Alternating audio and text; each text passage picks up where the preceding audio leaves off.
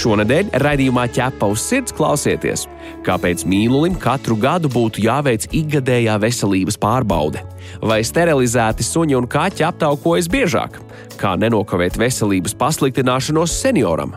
Klausieties ķepa uz sirds pirmdien, 18.15. atkārtojums sestdienās 15.05. Latvijas Radio 1. Vienmēr pirmais. Latvijas Radio 1.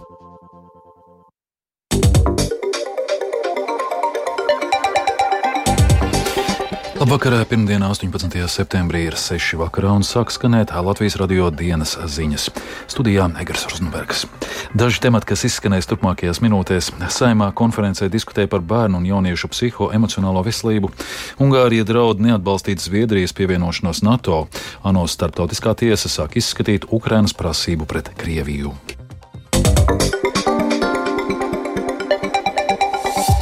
Saimā visas dienas garumā šodien norisinājās konference Bērnu un jauniešu psihoemocionālā veselība risinājumi izglītības sistēmā. Kolēģi Ieva Puķe, kas to apmeklējuma stāstā par būtiskākiem konferences akcentiem. Konferencē ir trīs sarunu bloki - atkarības un vardarbība, attiecības un ģimene, vērtības un izglītība. Pirmajā sadaļā pārdomas ļoti raisoša bija slimnīcas ģintera mūža narkoloģis Lilitas Saunis uzstāšanās pāraugāmajā jomā. Tās ir smēķējumu maisījumu atkarības. Viņas sniedza statistiku, ka 10 līdz 20% bērnu un pusauģu pasaulē tiek novēroti psihiski un uzvedības traucējumi, un Latvija nesot izņēmums. Emocionāli smaga klausītājiem bija Kristas Skaras valsts probācijas dienesta resocializācijas departamenta darbinieces uzstāšanās. Viņa strādā ar bērniem un jauniešiem, kas ir nu, jau nonākuši konfliktā ar likumu. Vidējais vecums, jā, 12, 13 gadi šobrīd ir ļoti izteikts grūtības regulēt emocijas. Un te varbūt arī tāds mīts, ka tie ir bērni, kur ārdās, bļaustās un nespēj savaldīties. Tas, ko mēs redzam, realitātē tie ir bērni, kuri vispār nespēj izrādīt emocijas. Viņi neizrāda neko. Psihologi, nevalstisko organizāciju pārstāvji, uzstājās ļoti dažādi cilvēki. Piemēram, mācītājs un attiecības speciālists Dainis Pandars par individuālisma kultūru ģimenē, Dina Florena, ģimenes ārste, veselības mācības ietekme uz individu un sabiedrības nākotni, par pusauģiem, kuri vēlas mainīt dzimumu, Nils Konstantinovs, pusauģu psihoterapeits. Fokus eh, konferencē virzījās uz vardarbību kā uz psihoemocionālās uzvedības riska faktoru. Es jautāju Nikitam Bezbarodovam, veselības ministrijas galvenajam speciālistam bērnu psihiatrijā, vai vardarbība šobrīd skolu vidē samazinās vai, vai palielinās. Uz šo jautājumu atbildēt īsti nevar, jo mums vienkārši trūks datos, ko balstīties. Bet, ja mēs tā globāli skatāmies uz pasaules to vēsturi, tad mēs zinām, ka mēs kā suga laika gaitā kļūstam mazāk vardarbīgi. Atkal statistiski runājot, pa simts gadiem skatoties, ir mazāk karu, un, ko, protams, ka pašreizē situācija tā grūti noticēt. Tas, kas droši vien mainās, ir mūsu kā sabiedrības tolerance pret vardarbību. Ka riska grupā galvenokārt ir zēni. Probācijas dienas pamatā strādā ar zēniem. Tā kolēģi Ieva Puķe. Ģimenes ārstu praksēm valdība novirzījusi papildu 5,5 miljonu eiro lielu finansējumu, lai prakšu darbinieki varētu sazināties ar pacientiem, kas pēdējo trīs gadu laikā nav bijuši uz profilaktisko apskati. Kopumā valstī šobrīd tādu esot vairāk nekā 320 tūkstoši. Skaidrīte Krukovska ir ārsta palīdze Natālijas Čaikas ģimenes ārsta praksē Rēzeknē. Šajā prakses vietā esot 205 cilvēki no vairāk nekā pusotra tūkstoša pacientiem, kas ilgāku laiku nav bijuši pie ārsta ārsta. Krukovska stāsta, ka esot jau piezvanījuši vairāk nekā pusē, un daļa esot uz apskati jau bijuši. Tādi saraksti atnākuši. Mēs apzvanām viņus. Citi ar mieru atnākt. Patreiz ir atnākusi paciente, ko sazvanījām. Citi pacienti ir pat agresīvi un saka, ka es jūtos labi un es nenākšu. Un kad es jutīšos slikti, tad es atnākšu. Citi jautā arī, vai tas maksās kaut ko. Profa apskate, viss ir pavelti un tik nāk. Latvijas lauku ģimenes ārstu asociācijas prezidente Līga Kozlovska no Zaļo un Zemnieku savienības atklāja, ka finansējuma palielinājums ģimenes ārstu praksēm ir akūti nepieciešams vairāku problēmu risināšanai, un piešķirto naudu salīdzina ar glāzi ūdens ugunsgrēka dzēšanai.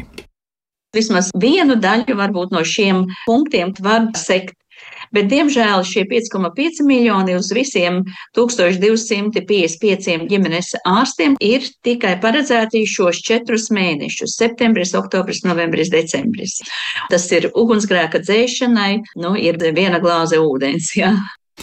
Pēc raidījuma, kas notiek Latvijā, intereses par jaunu auto iegādi Latgales plānošanas reģionu vajadzībām iepirkums ir pārtraukts. Kam tiek valsts budžeta nauda? Ar šādu nosaukumu portālā LSM publicē rakstu sēriju raidījumam, kas notiek Latvijā, kurā atspoguļots, kā tērē nodokļu maksātāju naudu. Par Latgales plānošanas reģiona pārtraukto ieceri stāstā, kas notiek Latvijā redaktore Zane Mače. Latvijas plānošanas reģions bija nolēmuši iegādāties elektroautobīli ar e, specifikāciju, kur bija prasība tāda, ka ar to jāspēj nobraukt ar vienu uzlādi vismaz 500 km. Tam jābūt pilnpiedziņai. Auto ekspertiem jautājot, ko šī specifikācija nozīmē, kādu auto var nopirkt. Visi kā viens teica, ka te ir runa par nu, tādiem dārgiem eh, spēkratiem, kā piemēram Audi e-tronu, Q8, to pašu Teslu, kuru gan Latvijā neviens oficiāls autodīleris netirgo, bet esot iespēja ar starpnieka palīdzību iegādāties. Un vēl virkne, kuri visi ir nu, vismaz sākot no kaut kādiem 60 tūkstošiem uz uh, augšu. Un uh, Latvijas plānošanas reģions uh, bija plānojis tērēt vismaz 42 tūkstošus eiro bez uh, PVN. Nu, Latgalē kur, kā zināms, šobrīd, piemēram, Reizekne ir teju bankrota priekšā un reizes, ka var pieminēt, tāpēc, ka Latvijas plānošanas reģiona padomjas priekšsēdētāja vietnieks ir eh, Bartaševičs, eh, Reizeknes mērs. Nu, kā zināms, šobrīd pagaidām tāds šis iepirkums eh, ir piebremzēts. Nu, viņi skaidroja, ka viņiem tos 500 km vienu uzlādi vajag, jo viņi plāno braukt komandējumos gan pa Latviju, gan ārpus Latvijas. Tāpēc, kā norāda eksperti, nu, neviens reāli praksē nebrauks non-stopā 500 km. Un tā otra prasība bija jā, šis 4x4 pilnpiedziņa, un to jā, viņi skaidroja to, ka viņiem ir tāpēc jābraukā ir Latvijas ceļi, kuri nav labā kvalitātē, un tad šī prasība esot nepieciešama. Un, jā, varams neiebild arī bijušais ministrs Prinčiks problēmu īsti arī viņš nesaskatīja. Bet runājot par to zaļo kursu, tas, ko saka vides eksperti, nu, tā viena mašīna, kas brauks no Rēzeknes vai nu, vienalga Latgalē līdz Ventspilī, viņi jau to vides problēmu nesakārtos. Runa ir par tādām situācijām, ka, piemēram, Rīgā nomainīt visus taksometrus, kas šobrīd brauc ar dīzeļu motoru pret elektroautomašīnu automobīli, tad tas krietni uzlabotu vides problēmas. Tā raidījuma, kas notiek Latvijā, redaktore Zane Mači.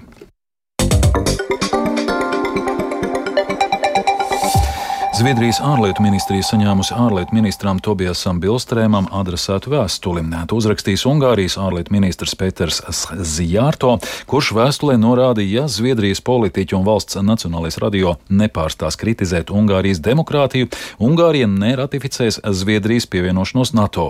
Ungārijas ministrs atsaucas uz kādu Zviedrijas sabiedriskās raidorganizācijas izglītošanas nolūkiem veidot video, kurā runāts par demokrātiju Ungārijā. Turpina Rihards Plūme. Zviedrijas valdībai nav iespējams noteikt Zviedrijas sabiedriskajai raidorganizācijai, ko tā var vai nevar pārraidīt. Savukārt, runājot par Zviedrijas politiķu nostāju, kritiski par Ungāriju nebūtu nav izteicies ne premjers Bilstrēms, ne citi valdību veidojošo partiju biedri. Tā vietā kritika nāk no opozīcijas, tostarp no Zviedrijas ilgi valdošās sociāldemokrātu partijas ekspremjeres Magdalēnas Andešsones, kura joprojām atkopjas no zaudējuma centriski labējai koalīcijai pagājušā gada vēlēšanās. Paralēli cīņai diplomātijas kara laukā Zviedrija turpina stiprināt savu aizsardzību. Nesen tā paziņoja par aizsardzības izdevumu palielināšanu, tādējādi nākamgad arī šī valsts aizsardzībai beidzot atvēlēs 2% no iekšzemes koprodukta, jeb mērķa, kuru kā absolūti nepieciešamu piesauc NATO. Turpina Zviedrijas Demokrātu partijas aizsardzības politikas pārstāvis Svens Olofs Selstrēms. Och årliga uppräkningar så handlar ju på drygt 27. 2024. gada aizsardzības budžets ir par 27 miljardiem kronu lielāks nekā 2023. gadā, kas ir vēsturisks militārās aizsardzības budžeta pieaugums. Kopējais rādītājs 2024. gadam ir 119 miljardi, kas ir gandrīz dubultojies kopš 2020. gada. Tas nozīmē, ka 2024. gadā mēs sasniegsim 2% no IKP saskaņā ar NATO definīciju. Tas, protams, ir labi, raugoties kā no uzticama NATO partnera puses. Joprojām nav skaidrs, kad varētu notikt iestāšanās protokolu ratifikācija. Turcija iepriekš norādījusi, ka to varētu paveikt neatrākā oktobrī, savukārt Ungārijas amatpersonas vasarā kā iespējamo laiku minēja septembra vidu. Joprojām nav skaidrības par to, vai Vladimira Putina sabiedroties Čečenijas līderis Ramzans Kadirovs ir dzīvs. Iepriekš Kīvu paziņojis par nopietnu viņa veselības stāvokļa pasliktināšanos, savukārt Čečenijas opozīcijas pārstāvi pavēstījuši pat par Kadirova nāvi. Situācijas novērotāji tikmēr spriež par baumu cēloņiem un to ietekmi Turpina Rustams Šukurovs. Cilvēktiesību centra memoriāls padomas loceklis Aleksandrs Čerkasovs tikmēr telekanāla Karina Time ēterā norādīja, ka baumas par iespējamo Kadirova nāvi ir cieši saistītas ar daudzu cilvēku cerībām, ka tā pienāks. Да, все это соответствует roli Kadirova. Jā, tas viss atbilst Kadirova lomai pašreizējā Čečenijas stabilitātē. Stabilitāte tādā nozīmē, ka tā ir sistēma, kas ir pielāgota vienai personai un balstās uz šīs vienas personas esamību. Tāpēc pretinieki gaida viņa nāvi, ticot, ka pēc tās viss sabruks, un tāpēc viņa atbalstītāji pulcējas ap viņu, jo no tā, kas ir viņa tuvumā, būs atkarīga tālākā notikuma attīstība. Bet kas tad notiks? А что будет дальше? Spriežot par baumu ietekmi uz iedzīvotājiem, Čečenijā Čerkasovs atzīmēja, ka Ziemeļkaukāza republikā ir daudz cilvēku, kurus Krievija nevajā saistībā ar viņu dalību Pirmajā un Otrajā Čečenijas karā, pateicoties Kadiro personīgajām garantijām. Таким гарантом для Чечни, для многих в Чечне выступает именно Рамзан. Ramzans priekš daudziem Čečenijā ir kā drošības garants, kas neļauj sākt jaunu karu vai izvērst represijas pret iepriekšējo karu dalībniekiem. Tas, ka Maskava Ramzanu uzskata vienlaikus par stabilitātes garantu Kaukāza reģionam, ir tas, uz kā balstās visa viņa sistēma. Вся система. Čečenijas prokremliskais līderis ir viens no dedzīgākajiem Krievijas kara pret Ukrainu atbalstītājiem un vairāk kārt atļāvās kritizēt Krievijas aizsardzības ministriju. Kadirovs iepriekš arī atbalstīja Krievijas algotņu grupējumu Wagner vadītāju Jevģeniju Prigožinu, kurš jūnijā mēģināja sacelties pret Krievijas militāro vadību un vēlāk augustā gāja bojā lidmašīnas katastrofā. Taču neilgi pirms Prigožina sarīkotā militārā dumpja mēģinājuma starp abiem izcēlās strīds. Rustams Šukurovs, Latvijas radio. Apvienoto Nāciju organizācijas starptautiskā tiesa Hāgā sākusi izskatīt Ukrainas prasību pret Krieviju, ko Kieva iesniedz tūlīt pēc Krievijas karaspēka pilna mēroga iebrukuma valstī pērn. Savā prasībā Kieva pieprasa, lai Maskava, Maskavu sauktu pie atbildības par genocīdu jēdzienu sagrozīšanu, lai attaisnotu uzbrukumu Ukrainai. Krievija apgalvo, ka tā esot sākusi iebrukumu, cenšoties novērst genocīdu Ukrainas austrumos un ka ANO starptautiskajai tiesai nesot jurisdikcijas šajā lietā. Turpina Rihards Plūme.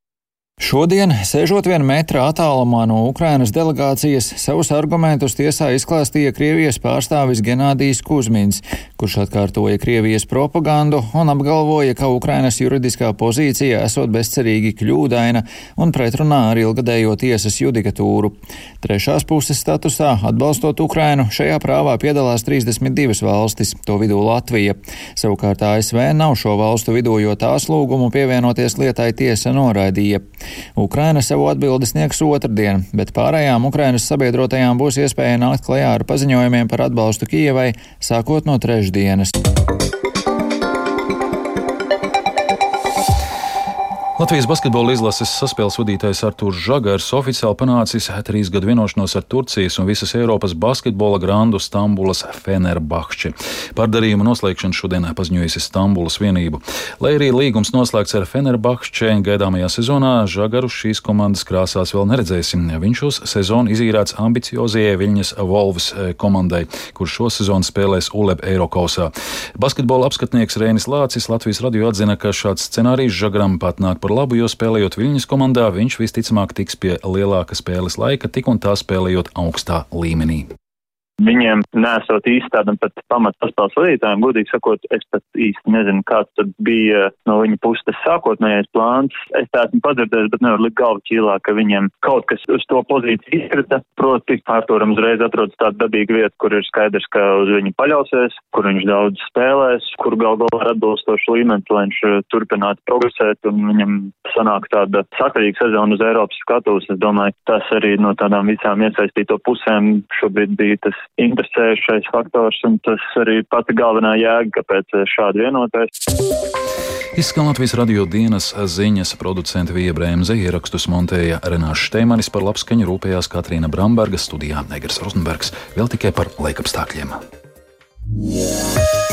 Galvaspilsētas centrā 20 grādi, lēns dienvidu austrumu vējš, atmosfēras spiediens 765 mm, relatīvais gaisa mitrums 70%. Kāds laiks gaidāms turpmāk prognozē Toms Brīcis. Šonadēļ laiks saglabāsies silts. Otradien lielākajā valsts daļā 21, 25 grādi, vietām piekrastē vēsāks. Pēcpusdienā daudziet īslaicīgas lietas gāzes vietām ar negaisu.